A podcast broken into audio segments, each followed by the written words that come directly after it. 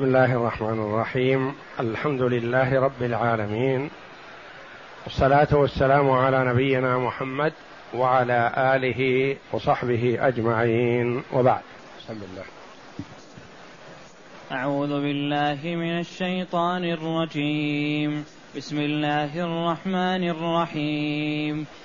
فكيف إذا جئنا من كل أمة بشهيد وجئنا بك على هؤلاء شهيدا يومئذ يود الذين كفروا وعصوا الرسول لو تسوى بهم الأرض ولا يكتمون الله حديثا. هاتان الآيتان من سورة النساء. جاءتا بعد قوله جل وعلا إن الله لا يظلم مثقال ذرة وإن تك حسنة يضاعفها ويؤت من لدنه أجرا عظيما فكيف إذا جئنا من كل أمة بشهيد وجئنا بك على هؤلاء شهيدا؟ يومئذ يود الذين كفروا وعصوا الرسول لو تسوى بهم الأرض ولا يكتمون الله حديثا.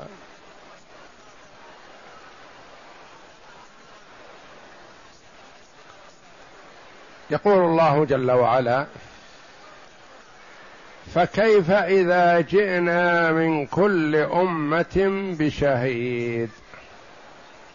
فكيف؟ حال الكفار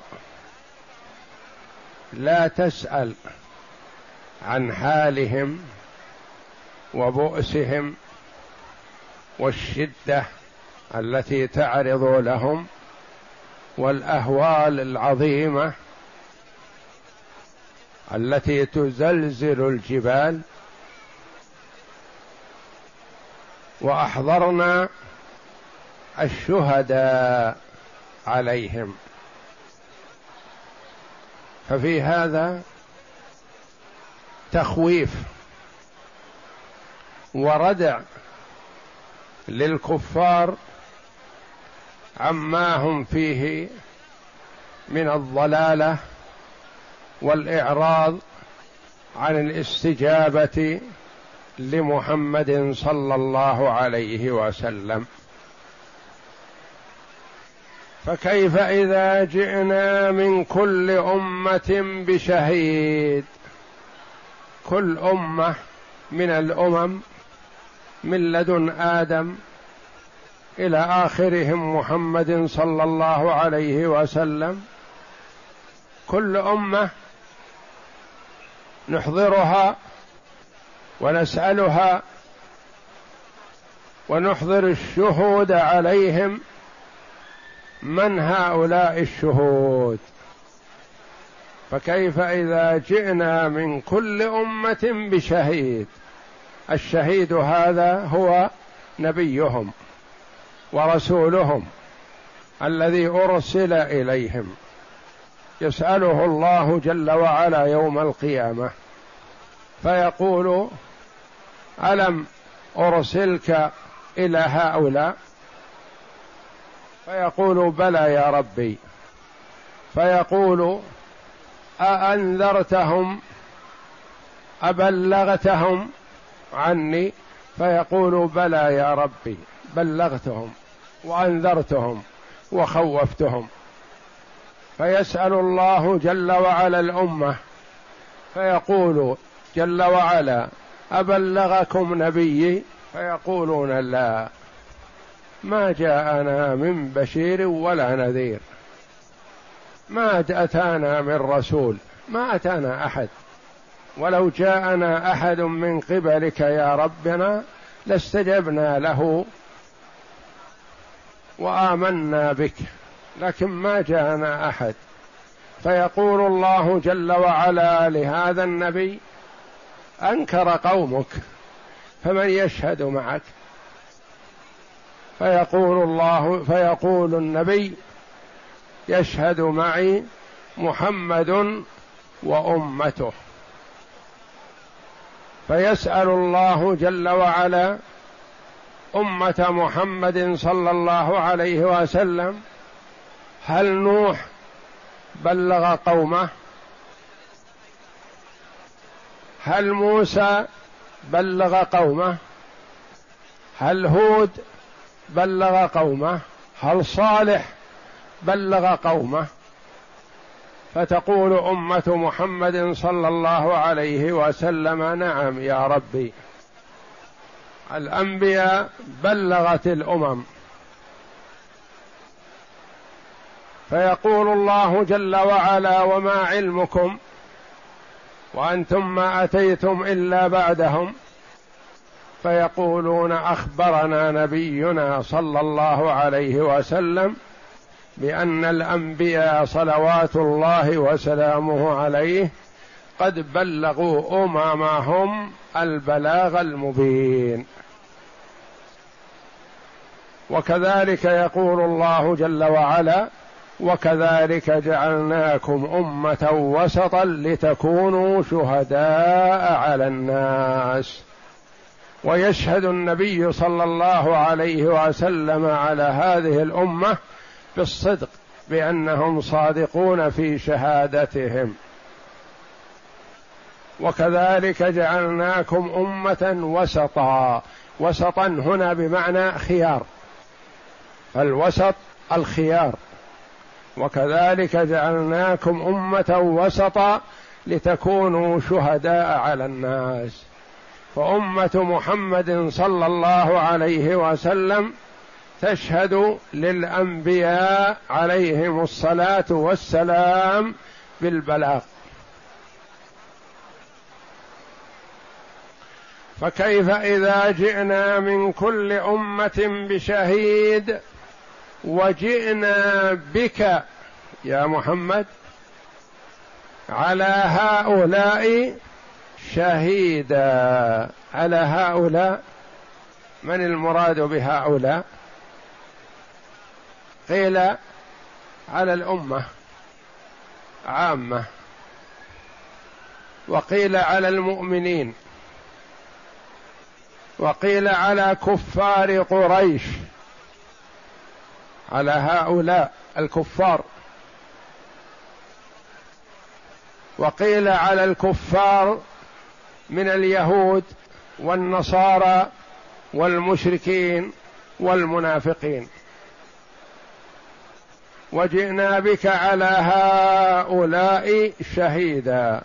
وقيل على من ذكر قبل. ويعم جميع الكفار ويعم جميع الأمم ويعم جميع الأنبياء صلوات الله وسلامه عليهم أجمعين. وجئنا بك على هؤلاء الأمم وأنبيائهم من الكفار والمؤمنين شهيدا عليهم. أنت يا محمد شهيد على الناس كلهم. ولذا ذرفت عيناه صلى الله عليه وسلم من هذا المقام العظيم الذي يغبطه فيه الأولون والآخرون. كما جاء في الصحيحين وغيرهما عن عبد الله بن مسعود رضي الله عنه قال قال لي رسول الله صلى الله عليه وسلم اقرأ علي القرآن. فقلت يا رسول الله أقرأ عليك وعليك أنزل. قال إني أحب أن أسمعه من غيري. فقرأت عليه سورة النساء حتى إذا بلغت فكيف إذا جئنا من كل أمة بشهيد وجئنا بك على هؤلاء شهيدا. قال حسبك الآن. فنظرت فإذا عيناه تذرفان. وفي رواية أني رفعت طرفي فرأيت عيناه عينيه تذرفان فأمسكت. وفي رواية فغمزني الذي بجواري فرفعت نظري فإذا عيناه تذرفان فوقفت. فهو صلى الله عليه وسلم بكى لما أنزله الله جل وعلا هذه المنزلة العظمى. تواضعا لله جل وعلا وتذللا بين يديه. مع هذا التعظيم والتكريم من الله تبارك وتعالى فهو شهيد على الرسل كلهم وعلى الأمم كلهم عليه الصلاة والسلام. فكيف إذا جئنا من كل أمة بشهيد وجئنا بك على هؤلاء شهيدا؟ ويقول الله جل وعلا وأشرقت الأرض بنور ربها ووضع الكتاب وجيء بالنبيين والشهداء. وقال تعالى ويوم نبعث في كل أمة شهيدا عليهم من أنفسهم.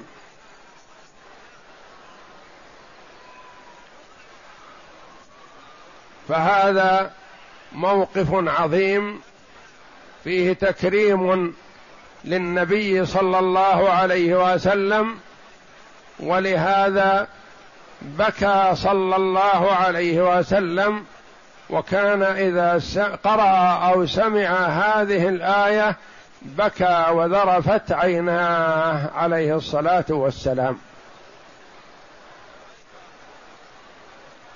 فكيف إذا جئنا من كل أمة بشهيد وجئنا بك على هؤلاء شهيدا. يومئذ يود الذين كفروا وعصوا الرسول. يومئذ في ذلك الحال في ذلك اليوم في أهواله العظيمة يود الذين كفروا يتمنى الذين كفروا وعصوا الرسول. تخصيص بعد التعميم.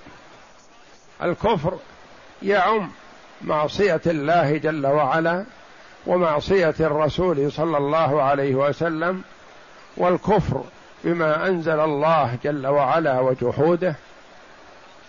لكنه جل وعلا قال كفروا وعصوا الرسول. لأن المقام مقام دعوة لهم في طاعة الرسول صلى الله عليه وسلم. وتحذير لهم من ذلك الموقف بأنكم ستتمنون أن لو لم تعصوا الرسول صلى الله عليه وسلم في دعوته لكم. يومئذ يود الذين كفروا وعصوا الرسول لو تسوى بهم الأرض. يود يتمنى الذين كفروا وعصوا الرسول لو تسوى بهم الأرض. يعني يكونون جزءا من الأرض. أو تنشق الأرض ويلجون فيها.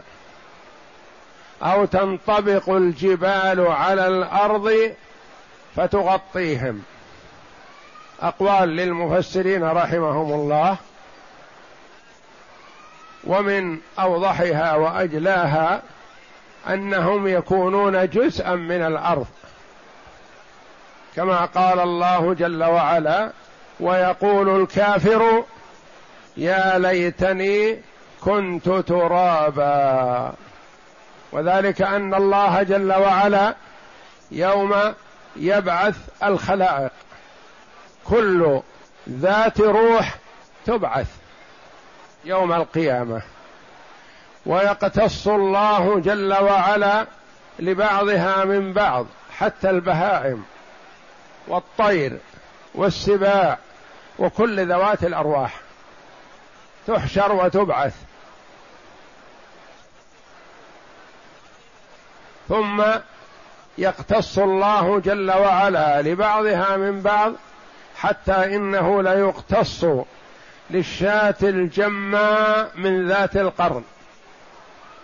إذا تناطحت الشاتان جما وقرنا لا شك أن ضربة القرن أكثر من ضربة الجمة. فيكون للجمة على القرن حق فيقتص لها في ذلك اليوم. ثم يقول الله جل وعلا للبهائم عموما كوني ترابا ولا يبقى إلا الثقلين الجن والإنس هم المكلفون. وأما البهائم فليست مكلفة. يقتص لبعضها من بعض ثم تنتهي ويقول الله جل وعلا لها كوني ترابا. فعند ذلك يتمنى الكافر لما يرى من الأهوال العظيمة والمخاوف ويرى النار والشدة ويدرك أنه الشقي وأنه المعذب يقول عند ذلك يا ليتني كنت ترابا. يتول يتمنى أن يكون مثل هذه الحيوانات. يومئذ يود الذين كفروا وعصوا الرسول لو تسوى بهم الأرض. يكونون مثل الأرض جزءا منها. تسوى فيها ثلاث قراءات. كلها سبعية. تسوى هذا البناء للمجهول بضم التاء. تسوى. وتسوى البناء للمعلوم بفتح التاء. وتخفيف السين. تسوى. القراءة الثالثة تسوى بتشديد السين وفتح التاء. تسوى وأصلها تتسوى ثم حصل فيها الإدغامات والحذف. وكلها سبعية وتؤدي المعنى متقارب في أنهم يكونون جزءا من الأرض. ولجوا فيها أو انطبقت جبالها على أوديتها أو أنهم صاروا هم جزءا من الأرض ترابا. لو تسوى بهم الأرض ولا يكتمون الله حديثا. ولا يكتمون الله حديثا. لا يكتمون لا يخفون. ولا يجحدون ويخبرون بالواقع والحقيقة. روي أن نافع بن الأزرق أحد الخوارج أتى إلى ابن عباس رضي الله عنهما حبر الأمة وترجمان القرآن وابن عم النبي صلى الله عليه وسلم. فقال يا ابن عباس قول الله تعالى يومئذ يود الذين كفروا وعصوا الرسول لو تسوى بهم الأرض ولا يكتمون الله حديثا. وقوله والله ربنا ما كنا مشركين. فقال له ابن عباس رضي الله عنهما إني أحسبك قمت من عند أصحابك. فقلت ألقي على ابن عباس متشابه القرآن. فإذا رجعت إليهم فأخبرهم أن الله تعالى يجمع الناس يوم القيامة في بقيع واحد. فيقول المشركون إن الله لا يقبل من أحد شيئا إلا ممن وحده. فيقولون تعالوا نجحد. فيسألهم فيقولون والله ربنا ما كنا مشركين. قال فيختم الله على أفواههم ويستنطق جوارحهم وتشهد عليهم جوارحهم أنهم كانوا مشركين فعند ذلك يتمنون لو أن الأرض سويت بهم ولا يكتمون الله حديثا. نافع ابن الأزرق أحد الخوارج الذين يقرؤون القرآن ويصلون ويقومون الليل ويصومون النهار بالعبادة والاجتهاد لكنهم أخبر عنهم النبي صلى الله عليه وسلم أنهم يمرقون من الدين كما يمرق السهم من الرمية. ما يبقى معهم شيء من الدين. وهم من هم في العبادة لكنهم تجاوزوا الحد. غلوا وزادوا ولم يتقيدوا بما في كتاب الله وسنة رسوله.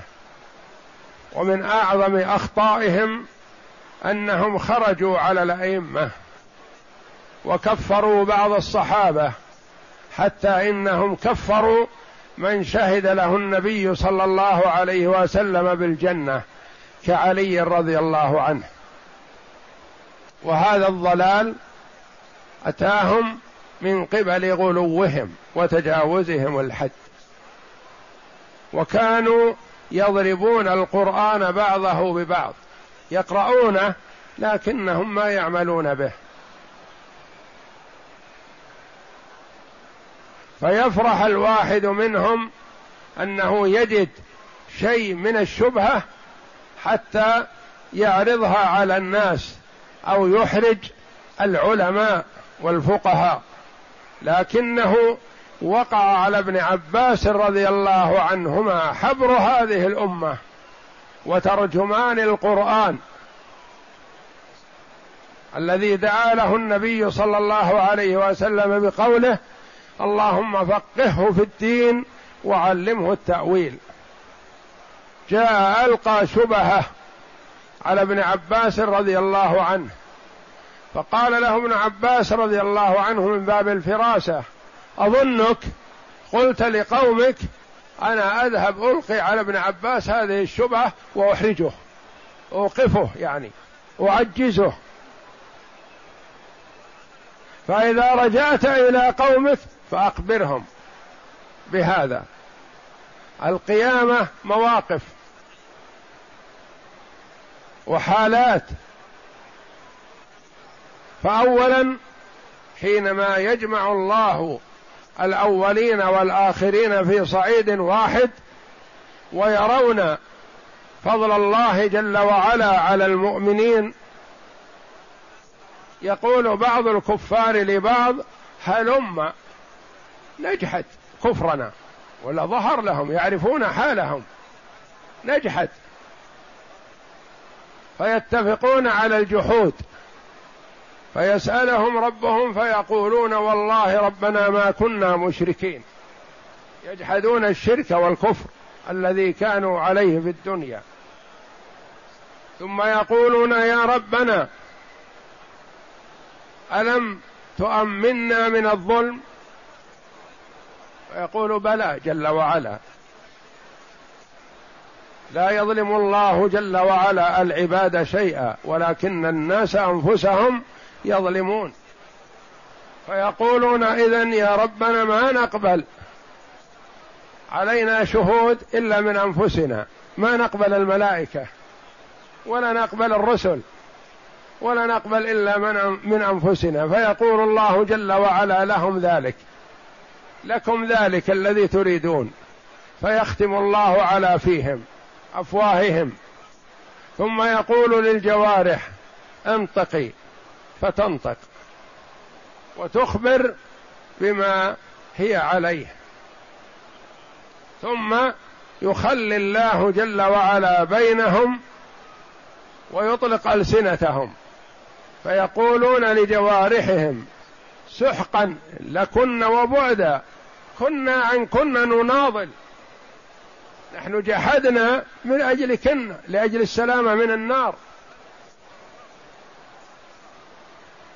فعند ذلك تقول الجوارح أنطقنا الله الذي أنطق كل شيء وهو خلقكم أول مرة. ما هم باختيارنا وإنما أنطقنا الله جل وعلا.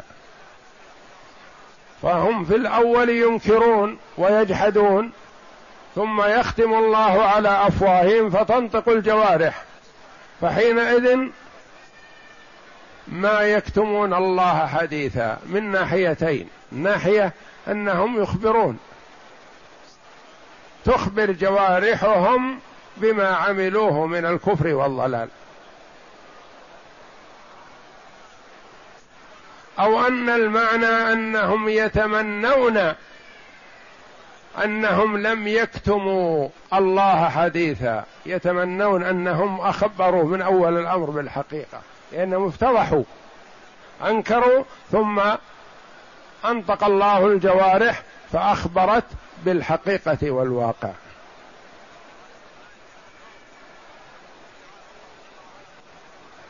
فالخوارج عندهم زيادة وغلو وتجاوز في الحد مع العبادة. والشيطان اللعين يحاول من ابن آدم أن يكون في أحد الطرفين. إلى أي طرف أخرجه فرح وسر بهذا. ما يريد من ابن آدم الوسط والاستقامة على الحق. يريد التجاوز الإفراط أو التفريط. الإفراط في الزيادة أو التفريط في النقص.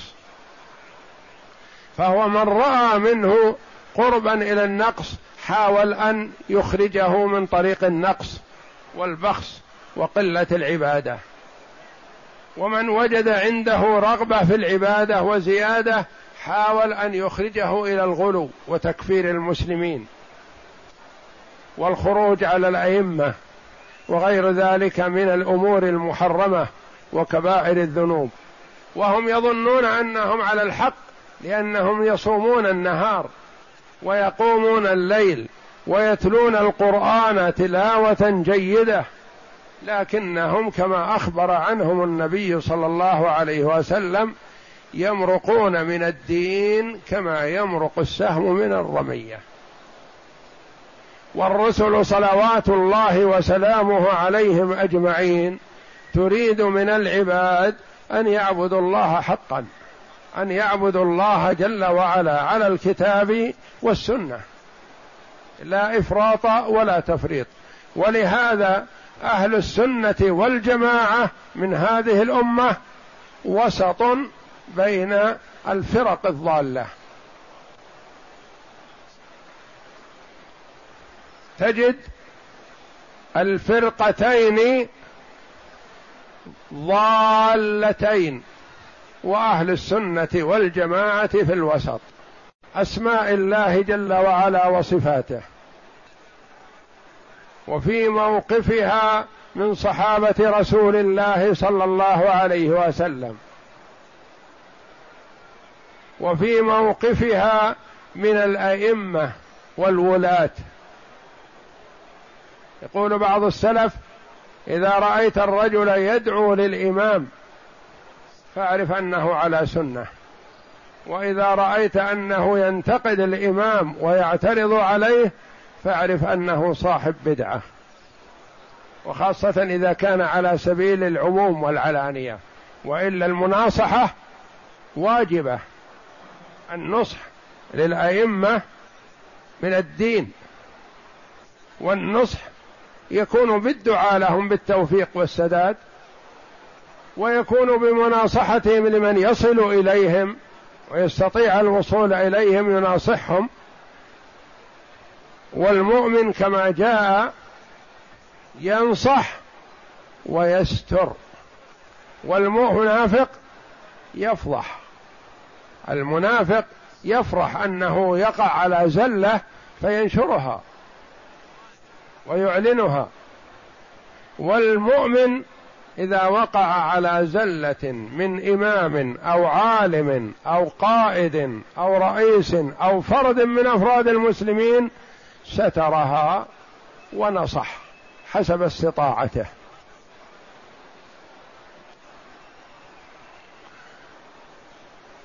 فابن عباس رضي الله عنه له مواقف عظيمة مع الخوارج ومنهم من رجع عن خروجه وضلاله بدعوة ابن عباس رضي الله عنهما لأنه موفق ومسدد في دعوته إلى الله جل وعلا وفي إقناعه لخصمه بالكتاب والسنة رضي الله عنه. حتى إنه رجع مجموعة من الخوارج بلقاء ابن عباس رضي الله عنه بهما لما كلفه علي رضي الله عنه أن يلتقي بهم أتاهم رضي الله عنه وهم كثير فرجع الكثير منهم ولم يبق إلا القليل على ما هم عليه من الضلال وإلا الكثير منهم رجعوا عما هم عليه من الضلال لما بين لهم ابن عباس رضي الله عنهما يومئذ يود الذين كفروا وعصوا الرسول لو تسوى بهم الأرض ولا يكتمون الله حديثا. ما يستطيعون أن يخفون الحال على الله جل وعلا أو أنهم يودون أنهم لو سويت بهم الأرض ولم يكونوا جحدوا وكذبوا. يقول تعالى فكيف إذا جئنا من كل أمة بشهيد وجئنا بك على هؤلاء شهيدا؟ يقول تعالى مخبرا عن هؤلاء يوم القيامة وشدة أمره وشأنه فكيف يكون الأمر والحال يوم القيامة؟ حين يجيء من كل أمة بشهيد يعني الأنبياء عليهم السلام كما قال تعالى وأشرقت الأرض بنور ربها ووضع الكتاب وجيء بالنبيين والشهداء الآية. وقال تعالى ويوم نبعث من كل أمة ويوم نبعث في كل أمة شهيدا عليهم من أنفسهم. الآية. وروى البخاري عن عبد الله بن مسعود رضي الله عنه قال قال لي رسول الله صلى الله عليه وسلم اقرأ علي. فقلت يا رسول الله أقرأ عليك وعليك أنزل. قال نعم إني أحب أن أسمعه من غيري. فقرأت سورة النساء حتى أتيت إلى هذه الآية فكيف إذا جئنا من كل أمة بشهيد وجئنا بك على هؤلاء شهيدا؟ فقال حسبك حسبك الآن فإذا عيناه تذرفان. وقوله تعالى يومئذ يود الذين كفروا وعصوا الرسول لو تسوى بهم الأرض ولا يكتمون الله حديثا أي لو انشق لو انشقت وبلعتهم مما يرون من أهوال الموقف وما يحل بهم من الخزي والفضيحة والتوبيخ كقوله تعالى يوم ينظر المرء ما قدمت يداه الآية وقوله ولا يكتمون الله حديثا. يوم ينظر المرء ما قدمت يداه ويقول الكافر يا ليتني كنت ترابا. آخر سورة النبأ عما.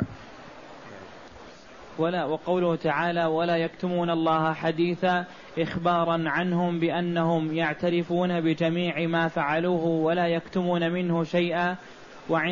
وعن سعيد بن جبير قال جاء رجل إلى ابن عباس رضي الله عنه فقال سمعت الله عز وجل يقول يعني إخبارا عن المشركين يوم القيامة إنهم قالوا والله ربنا ما كنا مشركين وقال في الآية وقال في الآية الأخرى ولا يكتمون الله حديثا فقال ابن عباس أما قوله والله ربنا أما قوله والله ربنا ما كنا مشركين فإنهم لما رأوا أنه لا يدخل الجنة إلا أهل الإسلام قالوا قالوا تعالوا فلنجحد فقالوا والله ربنا ما كنا مشركين فختم الله على أفواههم وتكلمت أيديهم وأرجلهم ولا يكتمون الله حديثا.